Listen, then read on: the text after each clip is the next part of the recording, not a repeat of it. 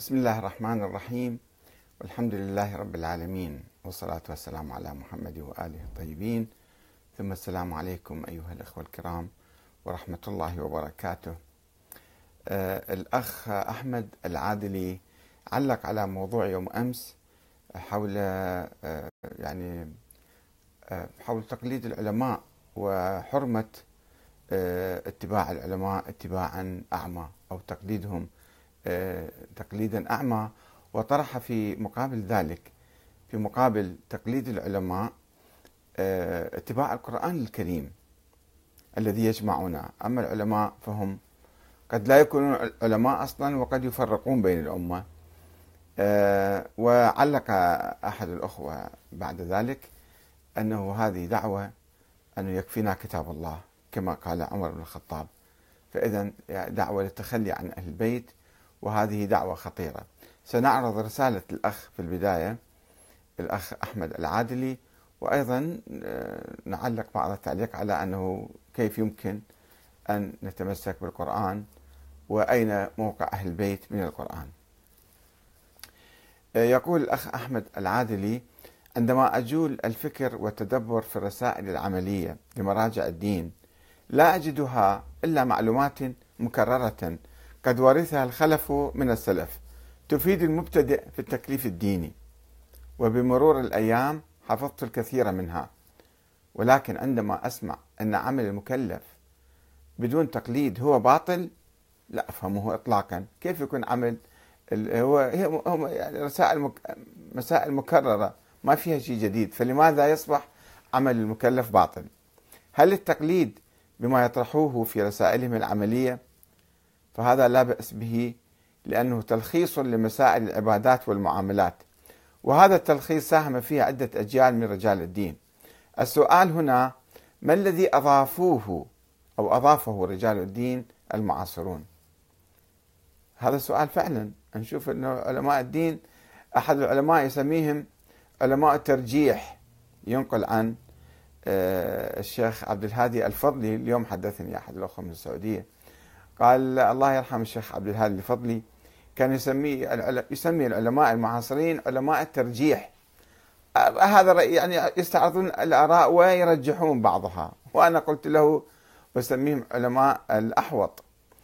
يعني بس تشوفون رسالة فلان عن فلان لا تختلف إلا أن هنا الأحوط كذا الأحوط كذا الأحوط وجوبي احوط استحبابي.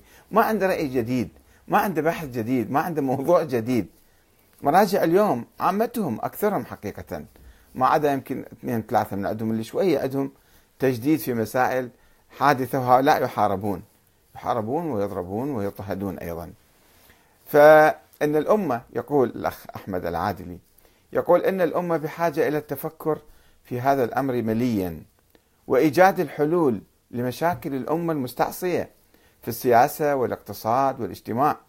نحن كأمة إسلامية قد فشلنا في كل هذه المجالات وفشلنا في أن نبني عقدا اجتماعيا بحيث نتعايش بسلام. في الحقيقة هو هذا أهم موضوع الآن يهم الأمة الإسلامية التفرقة الطائفية. الثقافة الطائفية الموروثة وشفتوا الأخ هذا غياث مهدي اللي أيضا هذا يعبر عن شريحة بالمجتمع. كيف يكفر الناس؟ وإذا أنت ما آمنت بالإمام المهدي كفرت بالله تعالى خرجت من الإسلام يعني. وهذا مو فقط الأخ مهدي يقوله حتى سيد صادق الشيرازي عنده كتاب يقول فيه يكفر من لا يؤمن بوجود المهدي. يعني هذا يعني كيف وصلنا إلى هذا المستوى من التكفير وضيق الأفق والعنف بدل ما إحنا يعني آه، نركز على أواصر التعايش والمحبة والمودة والأخوة بين المسلمين؟ شوفونا رجعنا إلى التزمت في قضايا جزئية ونتحارب عليها بعدين. لأن اليوم واحد يكفر الثاني بكرة واحد يشيل السيف الآخر. ولو الأخ يرفض يقول لا أنا لا أدعو للقتل لكن هذا هو طريقك. هذا طريقك إلى التكفير إلى إلى القتل. وداعش في البداية كانت مجرد دعوة للخلافة. ثم عندما طبقت نظريتها قامت تقتل الناس يمينا وشمالا. أي واحد يقف في طريقها راسا تبيده. وتقتله وهذا الشيء إذا نمى هذا الفكر السلفي الشيعي فراح يخلق لنا داعش ثاني في المستقبل حقيقة. آه، يواصل الأخ أحمد العادلي يقول وفي القرآن من الأحكام والحقائق والتشريعات ما فيه داءنا آه، داء دوائنا آه، أو داء داء دوائنا وتعليل علتنا وإن أم مشاكلنا هي بهجره. تتمثل بهجر القرآن يعني. فهذه دعوة للأمة بجعل القرآن أمامها وتقليده. فهذا هو الحل. ولا نتذرع بالصعوبة والاختلاف في تفسيره وفهمه فإن هناك الكثير من العلماء والمفكرين آه، في القرآن الذين يدعون الناس جهارا وإصرارا ولا من مجيب. فأدعو الأخ أحمد الكاتب والآخرين المؤمنين بهذا الحل بالتوحد والتكامل حتى يبارك الله بعملنا جميعا. وأنا مستعد للتعامل مع الأخ الكاتب من أجل تحقيق هذا الهدف النبيل والله الهادي. شكرا أخ أحمد العادلي. الأخ الباحث صادق يقول له أحسنت أكيد كلام الله هو المرجع ولا غيره. يجي الأخ حكمة علي اللي من الأخوة السلفيين الشيعة. يقول يضحك. طبعا هو ما في داعي للضحك يعني واحد عنده رأي يبين رأيه. وإذا واحد آخر عنده رأي يعني إذا يفنده يفنده برأي بدون مستوى من بهالطريقة من الرد. يقول حسبنا كتاب الله. هل هذا المنطق ما تريده؟ ماشي. الله الله عليك يا أحمد ابن الخطاب. ما أدري خاطبني إلي ولا ذاك أحمد العادلي. نفس منهج جدك. خلف عن سلف. يعني شوفوا التهريج هذا شوية. وإحنا نسمح لهم الأخوة أن يهرجوا عندنا. مو مشكلة بس حتى نتفاهم حتى نحاول نوضح الصورة. لذلك أنا ما أحضر أي واحد يعني يخالفني في الرأي في الحقيقة إلا اللي يسب ويشتم. أحذف سبه وشتمه وبعدين إذا واصل يمكن أحذفه. أه، حسبنا كتاب الله. نعم الآن ما يحتاج واحد يقول الكلام. عندنا شيء آخر غير كتاب الله؟ يعني ذيك الكلمة الشيعة الأوائل. الذين اعترضوا على كلمة حسبنا كتاب الله أه، هم أه، قالوا بأن وجود أئمة منصوص عليهم من الله وعندهم علم من الله وبالتالي هم راح يفسرون القرآن ويشرحون اياه وكذا. طيب هؤلاء الأئمة لم يشرحوا. يعني ما عندنا شيء في تفسير من القرآن. في تفاسير مزورة منسوبة إلى البيت.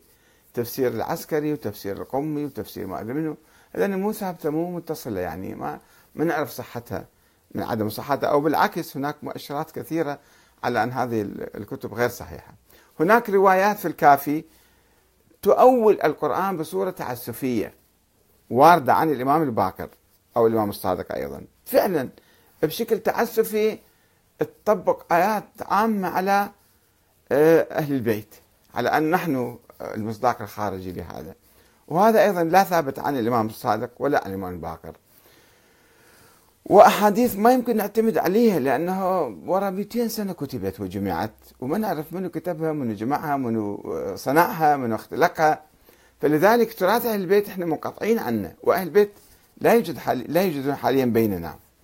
وإذا كان هذا الإمام اللي يتحدثون عنه موجود طيب الآن في وسائل اتصال عديدة. إذا خايف على نفسه من القتل وما يخرج إذا كان موجود. فهناك تلفزيونات هناك فيسبوك هناك إنترنت هناك يتمكن يوصل بريد بالبريد يدز رسالة للعلماء يوجههم الوجهة الصحيحة. لهذا آه، ما يحدث. معناته أنه ماكو واحد مسؤول من الله لتوجيه الأمة الإسلامية وهدايتها وإعطائها العلم الصحيح. لو كان الإمام موجود حتى لو من وراء ستار مثل ما يقولون الشمس من وراء سحاب. طيب الشمس من وراء سحاب هم تطلع في بعض الأيام حتى بلندن اللي كلها سحاب وغيوم هم تطلع أحيانا. بس هذا كما قال لي الأخ هذا من القطيف قال لي شوف هذا إحنا الإمام يقولون غائب وراء السحاب ولا في يوم من الأيام طلع. إيه ما حتى الشمس تطلع في يوم من الأيام أو كذا سحابة تمر وتطلع وراها تعود الشمس. وما نشوف أثر إلا ولا أثر لعلمه أو آه، هدايته أو. والشيعة الآن شوفوا يتخبطون في مسائل كثيرة ولا يعرفون الجواب أو لا يعرفون. أو قرون من الزمن يعيشون في نظريات باطلة مثل نظرية التقية والانتظار. أنه تحريم العمل السياسي وتحريم إقامة الدولة. طيب ألف سنة وين كان هذا الإمام؟ ليش ما علمهم نظرية ولاية الفقيه؟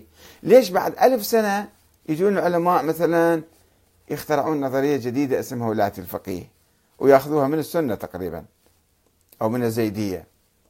فإذا هذا الشيء يعني ما موجودين أهل البيت. فإذا الآن اللي عندنا فقط كتاب الله وعندنا شنو بعد؟ عندنا العقل إلى جنب كتاب الله. إحنا ننظر الأمور بعقلنا وب يعني نشوف المصلحة العامة كيف. العقل الإنساني أيضا متطور ناخذ من عنده مثلا الشورى مبدأ إسلامي مبدأ قرآني. ولكن الغرب طور نظرية الشورى إلى النظام الديمقراطي أو الفكر الديمقراطي أنه وزع السلطة بين سلطة تشريعية وسلطة قضائية وسلطة تنفيذية وسلطة إعلامية وسلطة روحية أحيانا. وحتى الحاكم أو هالسلطة هالطبقة الحاكمة ما تبقى بالسلطة مدى الحياة إنما كل أربع سنوات نجدد الثقة فيهم. إذا كانوا صالحين نعيد انتخابهم وإذا كانوا فاسدين أو فاشلين أو عاجزين فنتخلى عنهم. فشوفوا العقل الانساني يتطور في المجال السياسي.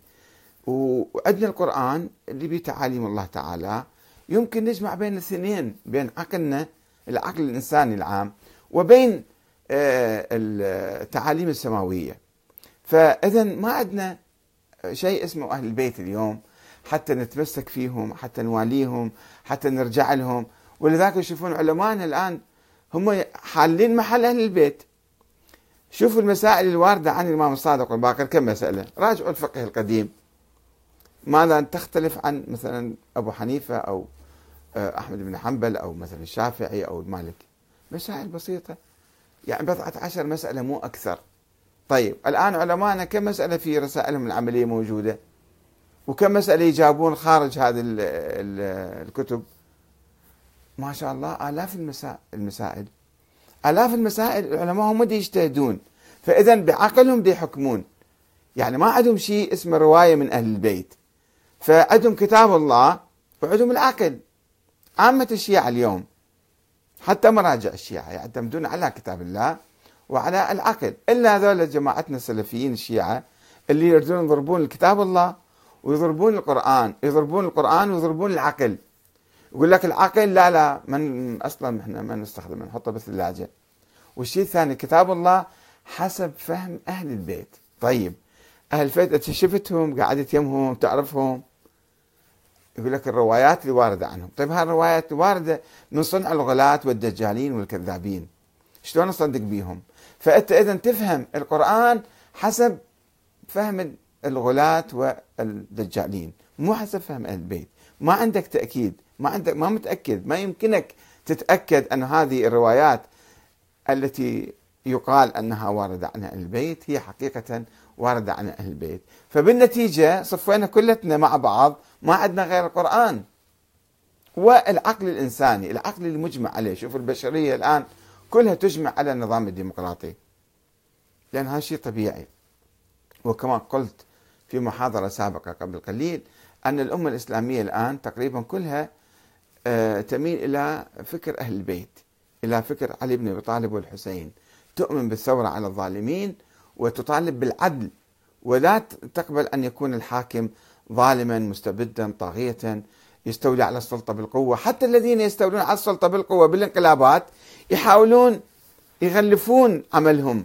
أنه والله صارت ثورة شعبية وإحنا جينا وإحنا نؤمن بالديمقراطية ونؤمن بإرادة الشعب ونستمع ودائما نسوي انتخابات حتى نشوف رأي الشعب فينا ماذا.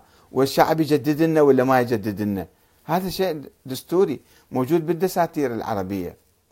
يعني الفكر السياسي العربي السني حتى بين قوسين أسميه هو متطور نحو هذا الفكر السليم والصحيح آه، اللي كان ينادون به أهل البيت والصحابة الكرام الأفاضل أيضا. والسلام عليكم ورحمة الله وبركاته.